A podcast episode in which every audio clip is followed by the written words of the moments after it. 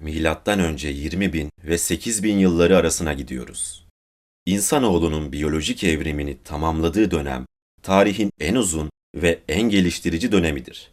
Aynı zamanda pek çok yönden ürkütücü ve umutsuzdur da. Bu ilk insanlar henüz tarımı geliştirmemişlerdi. Kendi besinlerini yetiştiremez, tümüyle avcılık ve toplayıcılığa bağımlı yaşarlardı. Avlarını öldürmek ve çevrelerini bir ölçüde olsun denetim altında tutmak için geliştirdikleri avlanma silahları ve becerileri sayesinde sağ kalmalarında mitolojinin önemi büyüktü. Neandertaller gibi paleolitik erkeklerle kadınlar da yazılı mitler bırakamadılar.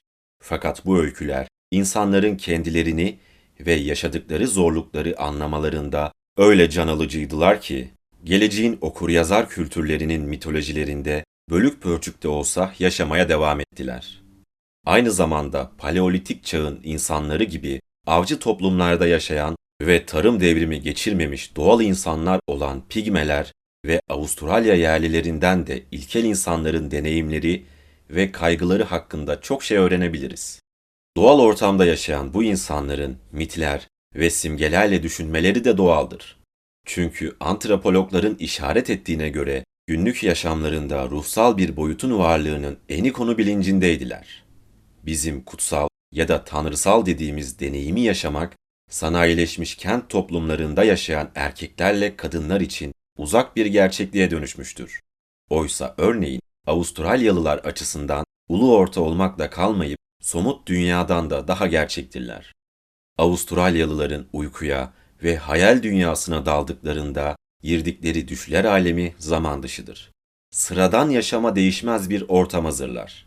Orada ölüm, akıcılık, olayların sonu gelmemecesine ardarda gelişir ve mevsim döngüleri dahi egemendir. Düşler aleminde güçlü varlıklar olan atalar yaşar. İnsanoğluna yaşamak için gerekli olan avcılık, savaş, seks, dokumacılık ve sepetçilik gibi becerileri öğretirler. Bunlar inanç dışı değil kutsal etkinliklerdir. Ölümlü erkeklerin ve kadınların düşler alemiyle ilişki kurmalarını sağlar. Örneğin ava giden Avustralya yerlisi ava çıktığında davranışlarını ilk avcıya öyle bir uyarlar ki daha güçlü bir atası dünyaya ait olarak onunla bütünleşir. Yaşamı düşler alemiyle gizemli birlik kurduğu sürece anlam kazanır. Bunun arkasından ilkel zenginlikten koparak zamanın dünyasına geri gelir. Burada yenip yutulacak ve yaptığı her şey hiçliğe dönüşecek diye korkar. Ruhlar dünyası, doğal ortamda yaşayan insanların gözünde bir zamanlar insanoğlunun daha kolay erişebileceği yakın ve zorlayıcı bir gerçekliktir. Yitik cennet mitolojisi bütün kültürlerde vardır. İnsanoğlunun bir zamanlar göksel varlıklarla daha yakın yaşadığı ve günlük ilişkiler kurdukları kabul edilir. Fakat her inançta gördüğümüz gibi daha sonra bir vasıtayla cennetten kovulma ya da cenneti kaybetmeyle dünya hayatına gelirler. Göksel varlıklar ölümsüzdürler. Birbirleriyle, hayvanlarla ve doğayla uyum içinde yaşarlardı. Dünyanın ortasında insanların tanrılar alemine ulaşmak için kolaylıkla tırmanabildiği, yeryüzüyle gökyüzünü birbirine bağlayan bir ağaç, bir dağ ya da bir sırık vardı. Derken bir felaket yaşandı.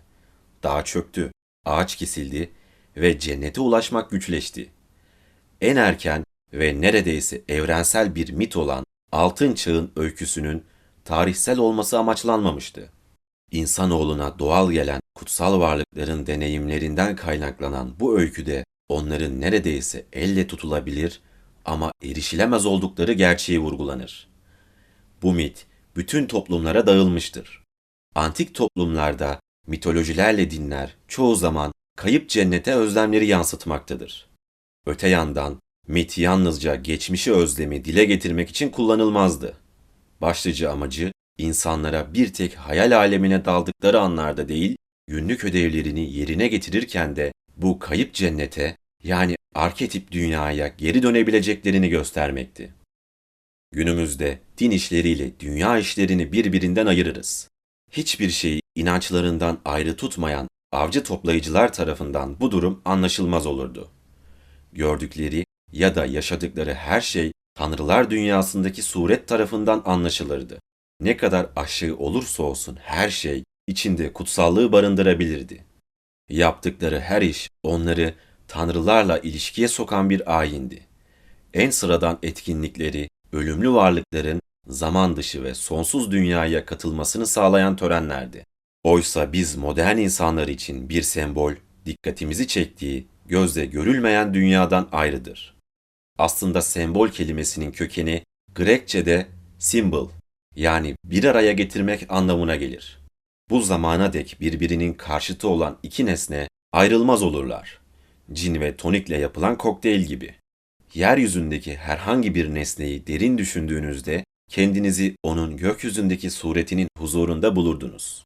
Bu yolla tanrılar arasına katılma anlayışı mitler dünyasının temeliydi. Bir mitin amacı insanları kendilerini dört bir yandan çevreleyen ve yaşamın doğal bir parçası olan ruhsal boyutun bilincine vardırmaktı. En erken mitolojiler insanlara elle tutulur dünyaya bakarak başka bir şey temsil eder gibi görünen gerçekliği öğretmişlerdi. Bunun için hiçbir inanç sıçraması gerekmiyordu. Çünkü o çağda kutsal olanla olmayan arasında metafizik açıdan hiçbir uçurum yok gibiydi. Bu ilk insanlar bir taşa baktıklarında cansız, niteliksiz bir kaya parçası görmezlerdi. Gücü, kalıcılığı, dayanıklılığı ve insanın incinebilir durumundan epey farklı, mutlak bir varlığı temsil ederdi taş. Onu kutsallaştıran ötekilik özelliğiydi. Yani insan gibi olmayışı. Antik dünyada taş, kutsalın yaygın bir tezahürü, kutsal olanın kendini göstermesiydi. Çaba harcamaksızın kendini yenileme yeteneğine sahip olan ağaç da canlanır ve ölümlü erkeklerle kadınlardan esirgenen mucizevi diriliği ortaya koyardı. Ayın küçülmesiyle büyümesini seyrederken insanlar kutsal güçlerin yeniden dirilişine katı ve acımasız, bağışlayıcı ve ürkütücü olduğu kadar avutucu da olan bir yasanın varlığına tanık olurlardı.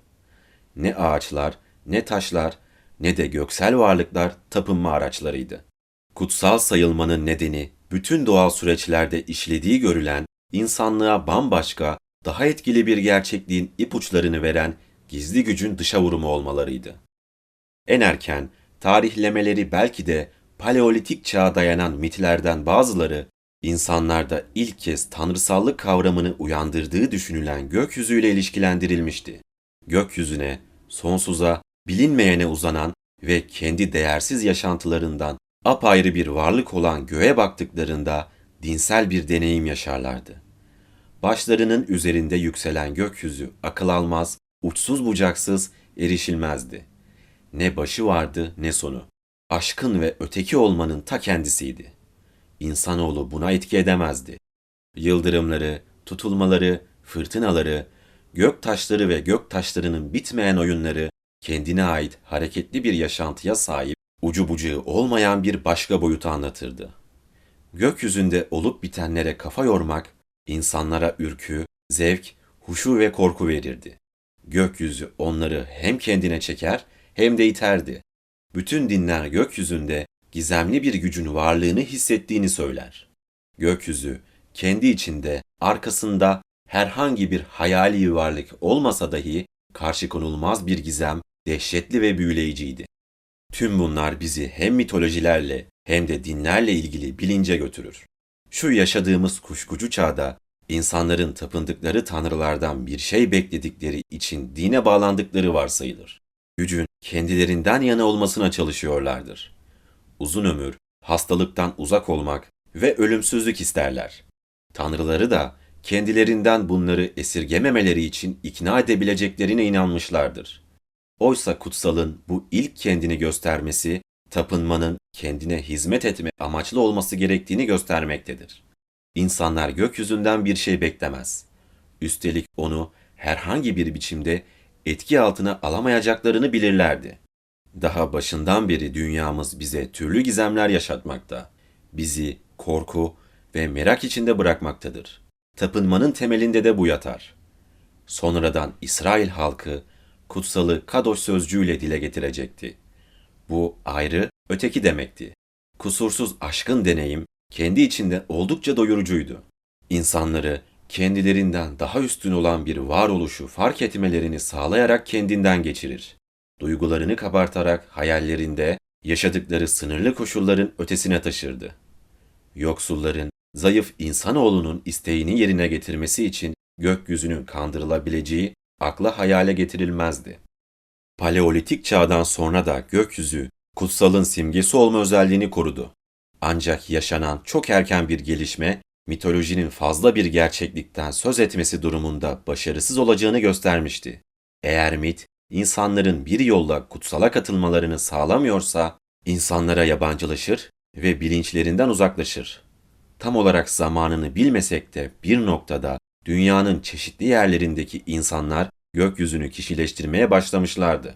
Cenneti ve yeryüzünü tek başına yoktan var eden bir gök tanrı ya da ulu tanrı hakkında öyküler anlatılıyordu artık. Bu ilkel tek tanrıcılığın paleolitik çağa dek dayandığı neredeyse kesindir.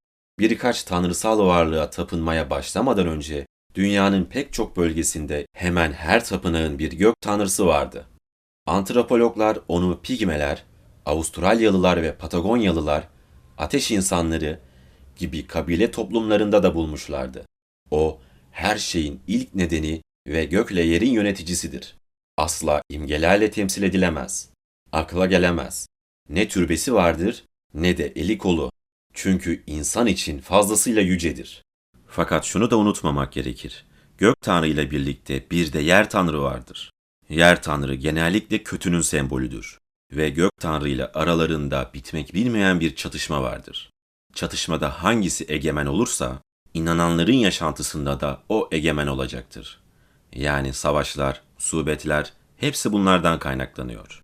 İnsanlar yakarırken kendilerini izlediğini ve yanlış yaptıklarında onları cezalandıracağına inanırlar. Ancak günlük yaşantılarında o görünmez. Kabile üyeleri Tanrı'nın sözle anlatılmaz olduğunu, insan dünyasıyla ilişki kurmayacağını söylerler. Başları sıkıştığında ona dönseler de o yanlarında bulunmaz. Çoğu zaman uzaklaştığı veya gözden kaybolduğu konuşulur. Eski Mezopotamyalıların, Hinduların, Greklerin ve Kenan ülkesi insanlarının gök tanrıları böyle yozlaşmışlardı. Bu toplulukların mitolojilerinde yüce tanrı en iyi yönüyle tanrılar tapınağının kuşkulu, güçsüz bir varlığı, kenarında köşesinde kalmış bir figürüdür. Indra, Enlil ve Baal gibi daha etkili, ilgi çekici ve ulaşılabilir tanrısal varlıklar öne çıkmıştır. Yüce Tanrı'nın nasıl tahtından indirildiğine yönelik öyküler anlatılır. Örneğin Greklerin gök tanrısı Uranüs'ün oğlu Kronos tarafından idiş edildiği, insanoğlunun günlük yaşantısından çok uzaklaşarak önemsizleşen bu yaratıcıların iktidarsızlığı korkunç bir biçimde gözler önüne seren bir mitle dile getirilmişti. Oysa Baal'ın kutsal gücü her yağmur fırtınasında kendini belli ederdi. İnsanlar kendilerini savaşın öfkesine her kaptırdıklarında Indira'nın gücünü hissederlerdi. Gel gelelim eski gök tanrıları insanların yaşamlarına el bile sürmezlerdi. Bu en erken gelişmeler açıkça gösterir ki mitoloji doğaüstü varlıklara yoğunlaştığı sürece başarısız olacaktır. Ancak insanlıkla ilişki kurarsa geçerliliğini koruyacaktır. Gök Tanrı'nın yazgısı yaygın bir başka yanlış kanıyı çağrıştırır. Erken mitlerin bilimsellik öncesi dünyada evrenin kökenlerini anlattığını varsayanlar çoktur. Gök Tanrısı'nın öyküsü tam anlamıyla böyle bir kurguyu temsil ediyordu. Fakat mit başarıya ulaşamadı. Çünkü insanların sıradan yaşantılarına değinmiyor. İnsan doğası hakkında hiçbir şey söylemiyor ve kalıcı sorunlarını çözmede yardım etmiyordu. Gök tanrıların yok olması Yahudiler ve Müslümanların tapındığı yaratıcı tanrının ateistlerin dünyasından neden çıktığını açıklamaya yardım eder. Mit, gerçekçi bilgi vermemekte, daha çok davranışlara yol göstermektedir. Gerçekliği ancak törensel olarak ya da ahlak doğrultusunda uygulamaya konunca ortaya çıkacaktır. Eğer Tanrı kusursuz bir düşümsel varsayım olarak yorumlanırsa yabancılaşır ve inanılmaz olur. Yüce tanrılar yerlerinden edilmiş olabilirlerdi. Fakat gökyüzü insanlara kutsalı anımsatmada gücünü hiç yitirmedi. Yükseklik, tanrısallığın mitlere dayalı simgesi, ruhsallığın yadigarı olarak kalmıştır. Mitolojide ve mistizizmde erkekler ve kadınlar düzenli aralıklarla gökyüzüne ulaşır. göğe yükselme öykülerini uygulamaya geçirmelerini sağlamak, daha yüksek bir bilince yükselmek için kendinden geçme ayinleri ve yöntemleri uygularlar. Günümüz dinlerinde de bütün peygamberlerin göğe yükseldikleri hikayeleri vardır. İşte bu mitolojinin bu yönüne dayanmaktadır. Bilgeler tanrılar alemine ulaşana dek göğün çeşitli katlarına çıktıklarını ileri sürerler. Yoga yapanların havada uçtukları, gizemcilerin havaya yükseldikleri, peygamberlerin yüksek dağlara tırmanıp daha yüce bir varlık biçimine girdikleri anlatılır. İnsanlar gökyüzünün temsil ettiği aşkınlık deneyimini edinmeye can atarak insana özgü zayıflıklarından kurtulacaklarını ve onun ötesine geçebileceklerini düşünmüşlerdi. Mitolojide dağların kutsal kabul edilmesinin altında da bu yatar. Yerle göğün ortasındaki dağlar Musa gibi peygamberlerin tanrılarıyla görüşebildikleri yerlerdi. Uçuş ve göğe yükselişle ilgili aşkınlık deneyimi yaşama ve insan olmanın baskılarından kurtulma konusundaki evrensel isteği dile getiren mitler bütün kültürlerde görülür. Bu mitler harfi harfine okunmalıdır. İsa'nın göğe yükselişini okurken onun stratosferde fırıldak gibi döndüğünü hayal etmekten söz etmiyoruz. Muhammed peygamber Mekke'den Kudüs'e uçup oradan da Tanrı'nın katına uzanan merdivene tırmandığında bambaşka bir ruhsal boyuta eriştiğini anlamalıyız. İlyas peygamber ateş arabasıyla göğe yükseldiğinde insan olmanın zayıflığını geride bırakmış ve dünyadaki varoluşumuzun ötesine geçerek kutsal aleme göçmüştür. Bilim adamları göğe yükselmeyle ilgili en eski mitlerin paleolitik çağdan kalma olduğuna ve avcı insan topluluklarının ilk din uygulayıcısı olan şamanlarla ilişkili olduklarına inanırlar.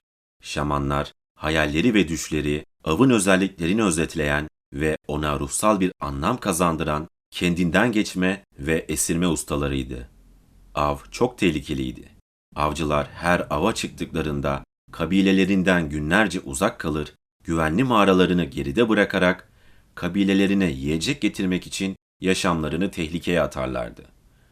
Ancak daha ileride göreceğimiz gibi bu yalnızca yaşam savaşı mı değil, yürüttükleri diğer bütün faaliyetler gibi aşkın bir boyuta sahipti. Şaman'da arayışa girerdi. Ancak onunki ruhsal bir yolculuktu. Ruhunun bedeninden ayrılıp tanrılar dünyasına yolculuk edebilme gücü olduğu düşünülürdü. Kendinden geçtiğinde havaya süzülür ve halkının iyiliği için tanrılarla görüşürdü. Paleolitik çağdan kalma Fransa'daki Lascaux, İspanya'daki Altamira mağaralarında av sahnelerini tasvir eden resimlerle karşılaşırız. Hayvanlarla avcıların yanı sıra uçuşu çağrıştıran kuş maskeleri yapmış, muhtemelen şaman olan insanlar da vardır. Günümüzde de Sibirya'dan Amerika'ya kadar uzanan avcı toplumlarda şamanlar tıpkı uzun yıllar önce altın çağda yaşamış insanlar gibi kendilerinden geçtiklerinde göklere yükseldiklerine ve tanrılarla konuştuklarına inanırlar. Şamana esinme yöntemleri konusunda özel eğitim verilir.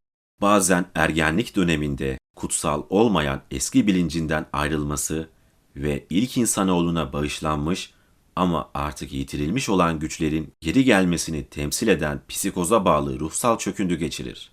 Şaman özel törenlerde davullar eşliğinde dans ederek kendinden geçer.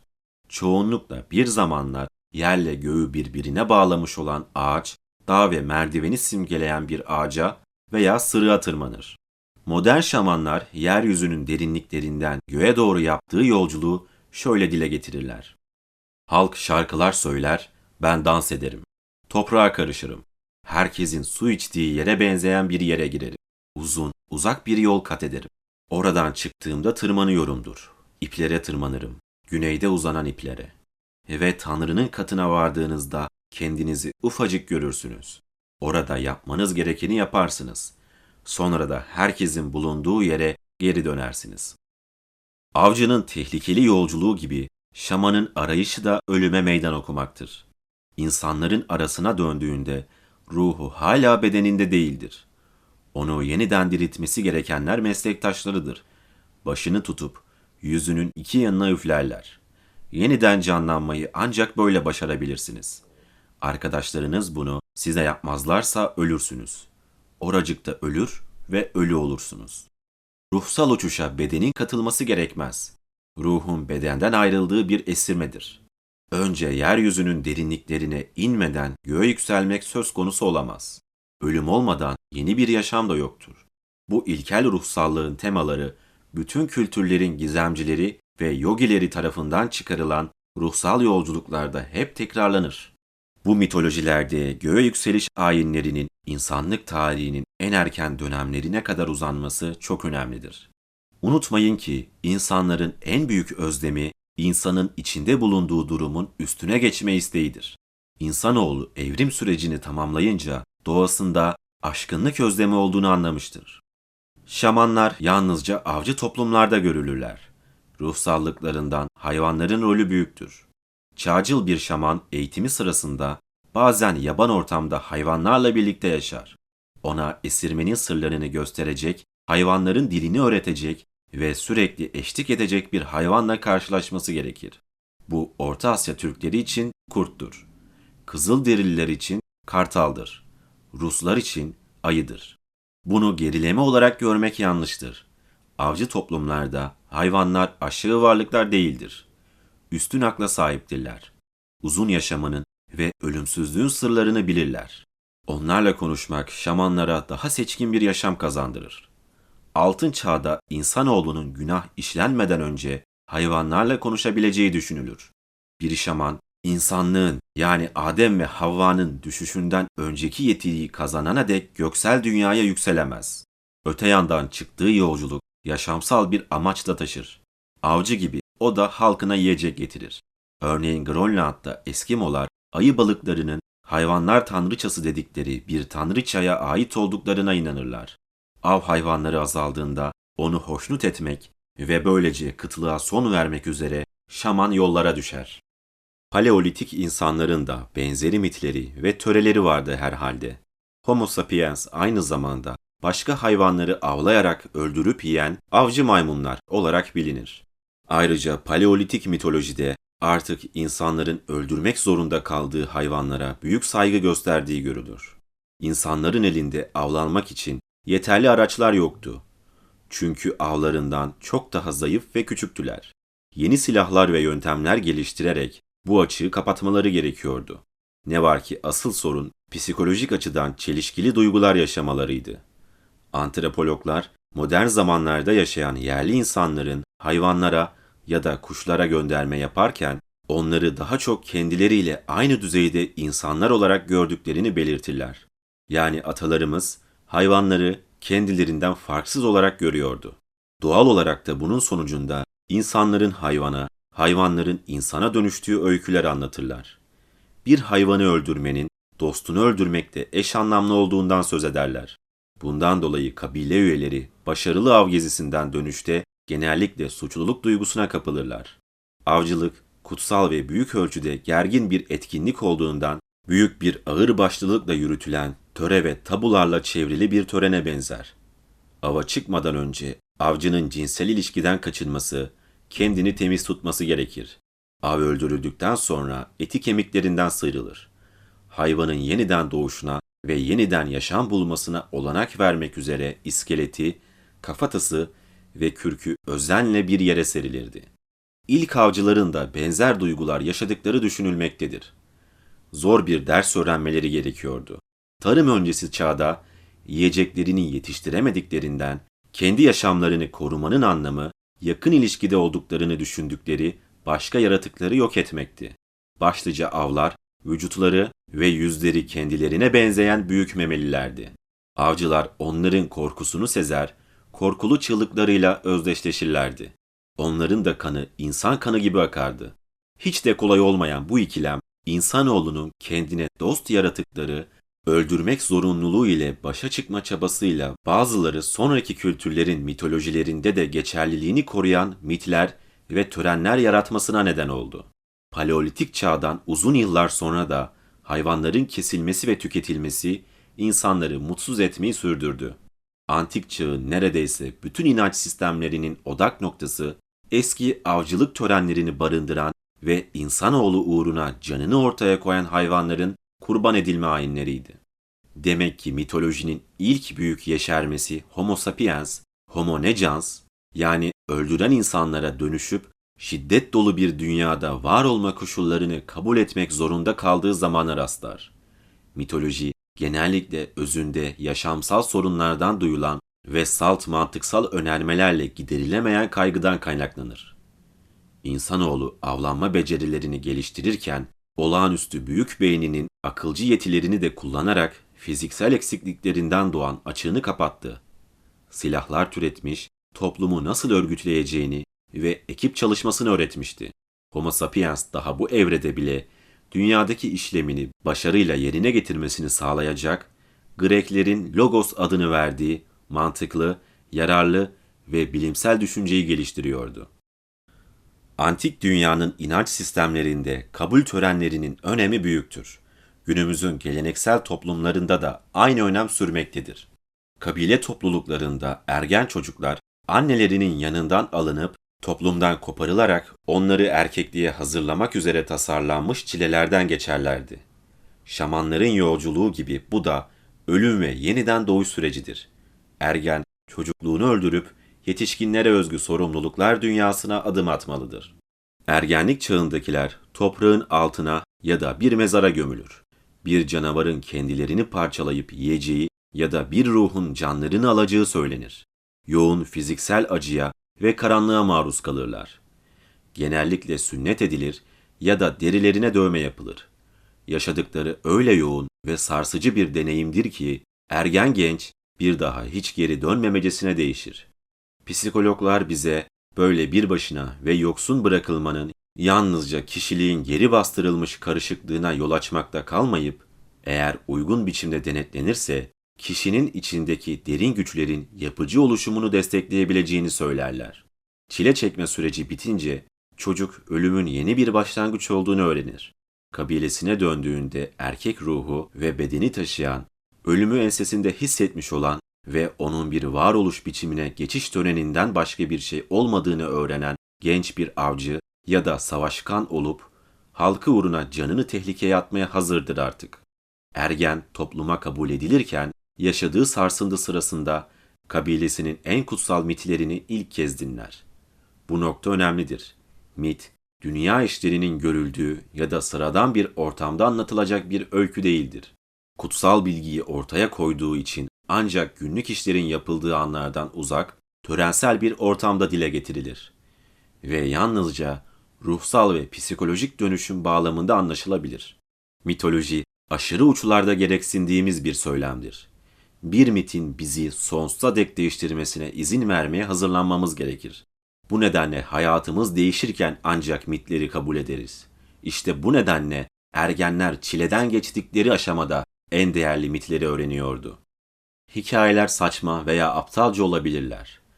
Fakat insanlar kabilelerindeki kahramanlar hakkında bu öyküleri anlatırken amaçları yalnızca dinleyicilerin hoşça vakit geçirmesini sağlamak değildir. Mitler bize tam bir insan olmak istiyorsak ne yapmamız gerektiğini öğretir. Yaşamımızın bir döneminde her birimizin kahraman olması gerekir. Her bebek labirentleri aratmayan daracık doğum kanalından geçerek güvenli, rahim ortamını bırakıp hiç bilmediği dünyaya çıkmanın sarsıcı deneyimini yaşamak zorundadır. Doğum yaparken çocuğunun canını tehlikeye atan her anne mitolojilere göre kahramandır. Her şeyden vazgeçmeye hazır değilseniz kahraman olamazsınız. Önce karanlığa inmeden yükseklere çıkış, ölümün bir biçimi olmaksızın yeni bir yaşam söz konusu değildir. Yaşamımız boyunca bilinmeyenle yüzleştiğimiz durumlarla karşılaşırız. Kahramanlık miti de bize nasıl davranmamız gerektiğini öğretir. Sonunda hepimiz kendimizi adına ölüm denen son ayinde buluruz. Paleolitik geçmişimizi anlatan böyle bilgi kırıntıları mitolojinin zevk için yaratılmadığını göstermektedir. Erkeklerle kadınları yaşamla ölümün amansız gerçekleriyle yüzleştirmişti. İnsanoğlunun acıklı bir imgelemi vardı. Göklere tırmanmaya can atardı. Ancak bunu gerçekleştirmenin tek yolunun ölümlülükle yüzleşmekten, güvenli dünyadan ayrılıp derinliklere inmekten ve eski kişiliğini öldürmekten geçtiğini anlamıştı. Mitolojiyle ona eşlik eden törenler, paleolitik insanların yaşamının bir evresinden diğerine geçmelerine yardım eder. Sonunda ölüm kendini gösterdiğinde onun varlığın bir başka, hiç bilinmeyen bir yönüne en son adım olarak görülmesini sağlardı. Bu erken içgörüler hiç yitirilmedi.